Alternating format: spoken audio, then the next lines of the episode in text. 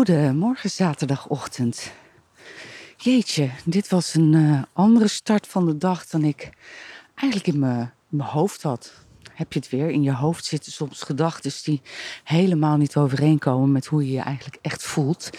Ik was gisteravond bij een uh, concert van Wende Snijders in Den Haag in het Paard. Dat was echt gek, fabuleus. Daar ga ik vast nog wel een keertje iets over vertellen. Maar daar gaat het nu even niet om. Ik ben gisteravond laat, s'nachts ook teruggereden weer naar Zeeland. Er waren twee tunnels afgesloten, dus ik, ik moest omrijden. Ik reed verkeerd. Uiteindelijk reed ik uh, echt door de duistere krochten van Zeeland. Ik heb nog iets van een uur gereden tot ik thuis aankwam. En uh, ik was moe, ik ben gaan slapen. En toen werd ik vanmorgen wakker. En uh, mijn lieverste niet, die is uh, naar zijn zoon toe.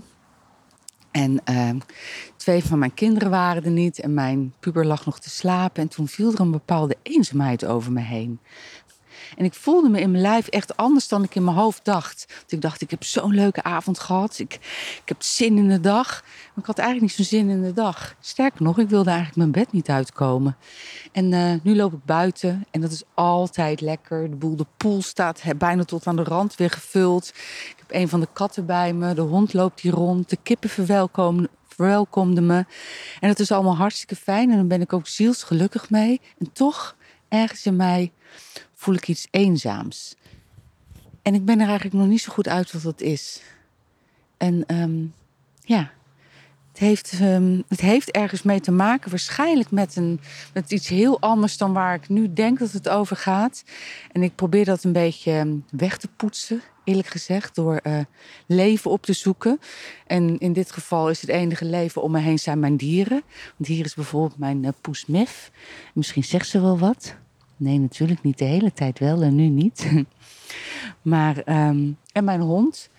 Maar heel in alle eerlijkheid, als ik dan zo vanochtend zo uit mijn bed kwam, of tenminste nog in mijn bed lag, dacht ik, hmm, dit, dit voelt niet helemaal lekker. En um, ik heb me voorgenomen om eens eventjes op zoek te gaan de komende tijd naar waar dat nou vandaan komt. Want ik, in mijn hoofd denk ik het te weten. Maar mijn lijf die, die roept iets en daar wil ik eerst maar eens naar gaan luisteren. Dus um, veel naar buiten. Even veel um, in mijn eentje naar buiten. Dus zonder de afleiding van een ander mens. Wat ik soms heel lekker vind, want dan hoef ik er niet naartoe. En um, wandelen. Vooral in de stilte wandelen.